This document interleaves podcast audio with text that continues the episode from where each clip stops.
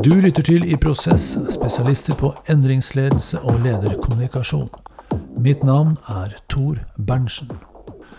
Pandemien har satt verden i en svært spesiell situasjon, og i noen virksomheter er mange eller alle medarbeiderne på hjemmekontor.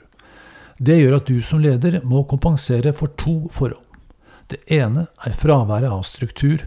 Det andre er fraværet av relasjoner. La oss se på dette med struktur først. Folk er vant til å være omgitt av rutiner, ritualer, regler og ikke minst forventninger. La meg ta et eksempel. En medarbeider står opp klokken 6.30. Han har lært seg å gjennomføre morgenritualet på 30 minutter. Det er skikkelig stress, men han har brukt flere år på å legge forholdene til rette, slik at det nå går på skinner.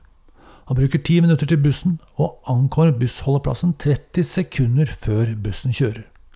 På bussen lytter han til en lydbok i 30 minutter, før han går de siste ti minuttene til kontoret og ankommer litt før åtte. For å komme inn i bygget må han låse opp med et kort, ta heisen, hilse på tilfeldig forbipasserende. Noen er kolleger, andre er bare kjente ansikter. Men alle er i jobbmodus.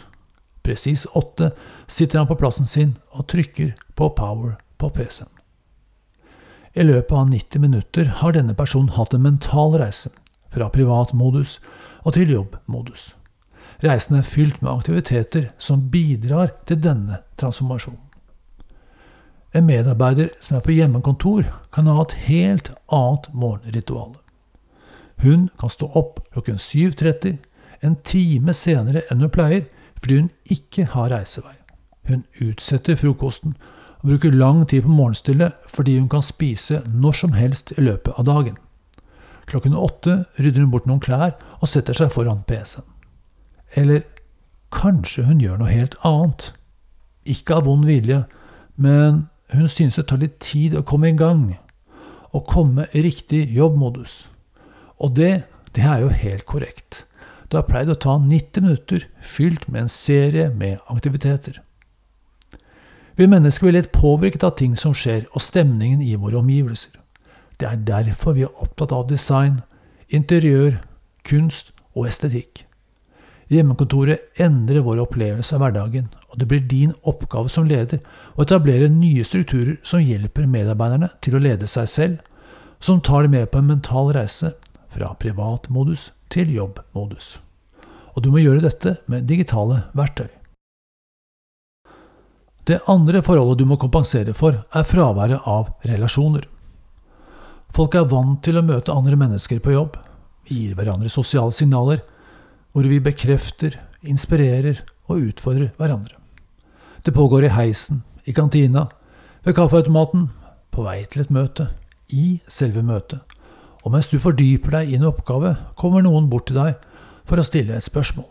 Dagen er fylt med sosiale signaler. På hjemmekontoret er du kanskje alene, eller kanskje sammen med kona. Kanskje noen barn er hjemme fra skolen. Uansett situasjon. Dette er mennesker som ikke er vant til å jobbe sammen. De er vant til å være i privat modus etter en begivenhetsrik dag på jobb og skole, med masse sosiale impulser fra andre mennesker.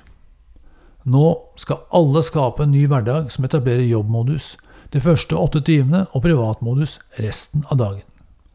Skolen har allerede startet med fjernundervisning. Du må starte med fjernledelse. Den aller viktigste komponenten i fjernledelse, den som skiller det fra vanlig ledelse eller nærhetsledelse, er evnen til å bygge relasjoner uten fysisk tilstedeværelse. Man kan spørre seg om relasjonsbygging er så viktig i denne perioden. Kan ikke folk bare gjøre jobben de får betalt for? De er jo tross alt eksperter. La oss ta det helt grunnleggende. Vi jobber ikke for et selskap. Vi jobber ikke for å nå mål. Vi jobber egentlig ikke for å få lønn heller. Ok, vi vil ha penger slik at vi kan leve gode liv, men når det behovet er dekt, er det andre forhold som er viktigere. Så hvorfor går vi på jobb egentlig? Jo, vi er sosiale individer. Og vi går på jobb for å føle oss viktige i et sosialt system. Vi jobber ikke for et firma. Vi jobber for en person. Vi jobber ikke for å nå mål. Vi jobber for å skape noe sammen med andre mennesker vi har tillit til. din oppgave som leder for mange medarbeidere på hjemmekontor er å skape den opplevelsen gjennom videomøte og andre kommunikasjonskanaler. Men jeg vil gjerne presisere én ting. Det er videomøte som er din viktigste kommunikasjonskanal. Telefon er greit, men videomøte er veldig mye bedre. Jeg har nettopp skrevet en blogg med tittelen 'Ti bud for ledere', som har alle medarbeiderne på hjemmekontor.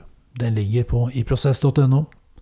Der ligger det også informasjon om online minikurs og mer omfattende online lederprogram som er relevant for deg i denne situasjonen. Gå på iprosess.no, så finner du det du trenger der. Jeg har nylig lest en bok som heter 'Kunsten å være lykkelig'. Den handler egentlig om å overbevise leseren om å ta inn over seg ett perspektiv på livet. Følg med nå, dette er heavy greier. Perspektivet er Alt som skjer deg, er det beste som kunne skjedd. Jeg gjentar. Alt som skjer deg, er det beste som kunne skjedd. Jeg opplever dette budskapet som krevende, noen ganger umulig. Men hvis denne ordningen med hjemmekontor fører til at du blir en dyktig fjernleder, ja, da er det kanskje en bra greie likevel. Lykke til.